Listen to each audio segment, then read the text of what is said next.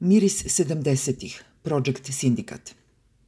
Još je prerano za procene kako će se pandemija koronavirusa dugoročno razvijati, ali već je jasno da nas iza ugla možda čeka nova globalna recesija koja će se značajno razlikovati od onih iz 2001. i 2008. Prvo, nova recesija će verovatno doći iz Kine i moguće je da je već počela. Kineska privreda je visoko zadužena i ne može priuštiti sebi dužu pauzu u ekonomskim aktivnostima – kao što to nije mogao ni Japan u periodu brzog rasta 80. godina prošlog veka. Stanovništvu, kompanijama i lokalnim upravama potrebna su sredstva za otplatu velikih dugova. Nepovoljna demografska situacija, sužavanje prostora za preuzimanje tehnološkog voćstva i predimenzionirana stambena izgradnja finansirana višekratnim programima stimulacija, da ne pominjemo sve centralizovanije odlučivanje, Svi ti elementi najavljuju značajno usporavanje rasta u Kini u narednoj deceniji. Takođe, za razliku od prethodne dve globalne recesije u ovom veku, pojava novog koronavirusa, COVID-19, donosi mogućnost da do sloma ovoga puta dođe na strani ponude. Da bismo pronašli sličan primer, moramo se vratiti čak u doba naftne krize polovinom 70. godina – Da, strah od širenja zaraze odrazit će se na tražnju za uslugama aviokompanija i putničkih agencija. I ljudi će iz predostrožnosti verovatno početi više da štede. Ali kada desetine miliona radnika prestane da odlazi na posao, zbog blokade ili iz straha, kada globalni lanci snabdevanja počnu da pucaju, granice da se zatvaraju, a obim svetske trgovine da opada jer zemlje više ne veruju u objavljene zdravstvene statističke podatke, i strana ponude će biti veoma teško pogođena. Velikom deficitnom potrošnjom, koja se u ovom slučaju ne može izbeći, ugrožene zemlje će pokušati da ojačaju kapacitete sistema zdravstvene zaštite i održe ekonomiju u životu.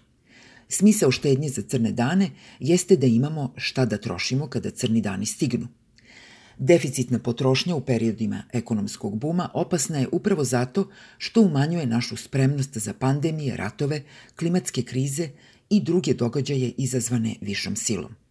Rekao bih da kreatori državnih politika i mnogi ekonomski komentatori još ne shvataju na koji način će slom na strani ponude ovu recesiju učiniti drugačijom od prethodne dve.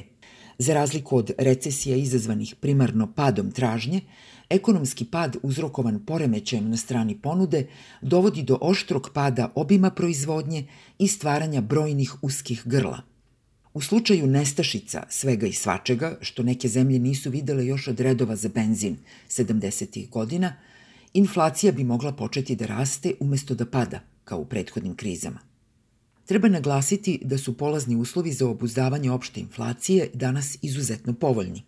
Ali ako imamo u vidu da je gotovo izvesno da je glavni faktor u održavanju inflacije na niskom nivou protekle četiri decenije bila globalizacija – duži period povlačenja u granice država, bilo zbog pandemije ili straha od moguće pandemije, u kombinaciji sa tekućim trgovinskim ratovima, siguran je recept za oživljavanje inflatornih pritisaka. Po takvom scenariju, rastuća inflacija bi dovela do skoka kamatnih stopa, što bi kreatore monetarnih i fiskalnih politika stavilo na teške muke. Treba imati na umu da kriza koju je pokrenuo COVID-19 pogađa svetsku ekonomiju u trenutku kada su stope ekonomskog rasta već niske, a mnoge zemlje su prezadužene. Globalna stopa rasta 2019. godine iznosila je svega 2,9%, što nije daleko od 2,5%, stope koja se istorijski smatra indikatorom globalne recesije. Italijanska privreda je tek počela da se oporavlja kada se virus pojavio. Japan tone u recesiju izazvanu loše tempiranim povećanjem PDV-a, a Nemačka je opterećena političkim trzavicama. Sjedinjene države su trenutno u dobrom stanju, ali verovatnoća izbijanja recesije pre održavanja izbora za Belu kuću i kongres u novembru, donedavno procenjivana na svega 15%, sada je mnogo veća.